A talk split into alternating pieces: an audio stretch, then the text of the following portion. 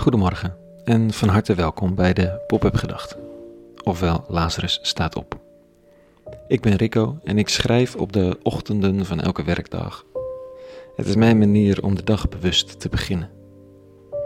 Het is nog stil tussen zes en zeven, de stad slaapt, het huis ook, en ik heb even de tijd. Ik lees de Bijbelteksten zoals die vandaag in kerken in heel de wereld gelezen zullen worden en ik vraag me af of er iets in zou zitten voor gewone mensen vandaag. dit is de titel van vanochtend. Je hebt niets meegebracht. Pop-up gedachten maandag 28 september 2020.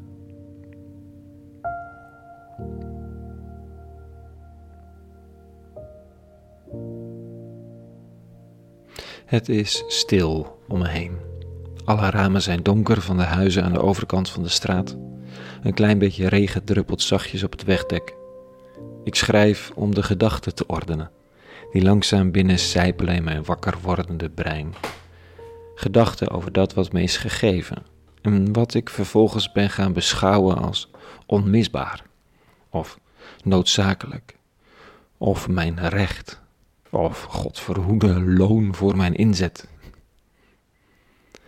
Er slapen twee kinderen in dit huis. Zie je beschut tegen de elementen. Ik kan me kleden en ik ga zo koffie maken als dit klaar is.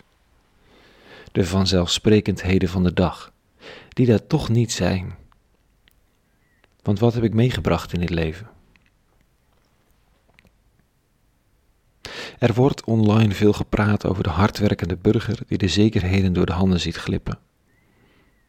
En terecht, want de ongelijkheid tussen arm en rijk groeit.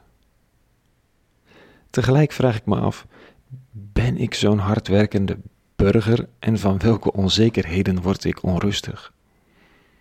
Corona gaat ons misschien de komende maanden weer beroven van sociale interactie, of van onze gezondheid of die van onze geliefden.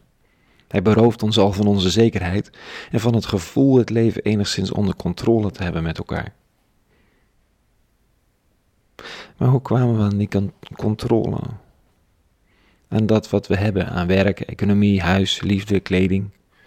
We hebben niets meegenomen dit leven in. Toen jij en ik geboren werden, was werkelijk niets wat we bijdroegen aan ons bestaan. Er is alleen maar liefde, aandacht en zorg in ons gepompt. En niemand van ons kon er ook maar iets voor terugdoen.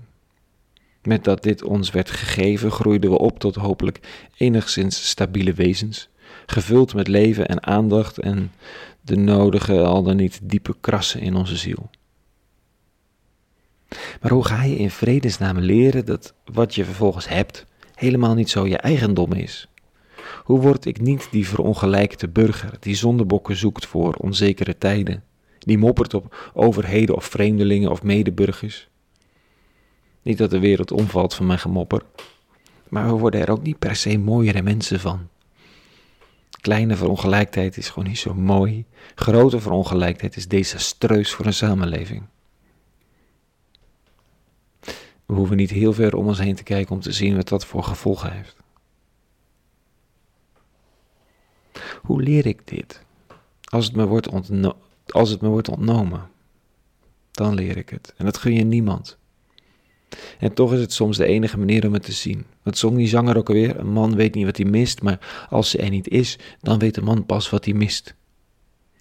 Zal voor een vrouw ook gelden. De oude Bijbelse verhalen doen dienst als spiegels. Een mens kan nu eenmaal niet alles meemaken en toch is meemaken de beste manier om kennis op te doen. In de oude verhalen maken we mee wat anderen meemaken en als een aardse schoonheid en ongelooflijke ellende. Job is daarvan het summum van de ellende. Een boek vol waanzinnig prachtige poëzie en een theatraal extreem dramatisch verhaal. Over een Satan die een rechtvaardig mens zou testen op zijn rechtvaardigheid door hem eens al zijn rijkdom af te nemen en zijn familie. Alles op één dag. En dan staat er. Toen stond Job op. Hij scheurde zijn kleed, hij schoor zijn hoofd en wierp zich plat ter aarde neer. Maar hij sprak, hij sprak. Naakt kwam ik uit de schoot van mijn moeder, naakt keer ik het terug. Het was Yahweh die gaf, het was Yahweh die nam, de naam van Yahweh zij gezegend. Wat je ook van dit verhaal vindt. Hè? je kunt een ziek experiment vinden of een groot theater of wat dan ook. Deze Job heeft een koor gevonden in zijn leven. Wie of wat hij ook ziet als Yahweh, hij ziet vooral, hij ziet zichzelf in een perspectief. En hij weet dat hij niets meegenomen heeft in dit leven toen hij ontstond. En zonder ook maar iets weer zal vertrekken.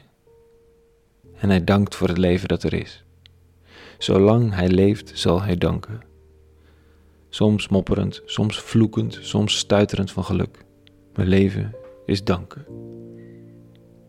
Job is een fascinerende spiegel in onzekere tijden. Tot zover vandaag. Een hele goede maandag gewenst. Meer pop-up gedachten te vinden op lazarustop.nl en via de Lazarus podcast op Spotify en andere kanalen. Voor nu, vrede en alle goeds.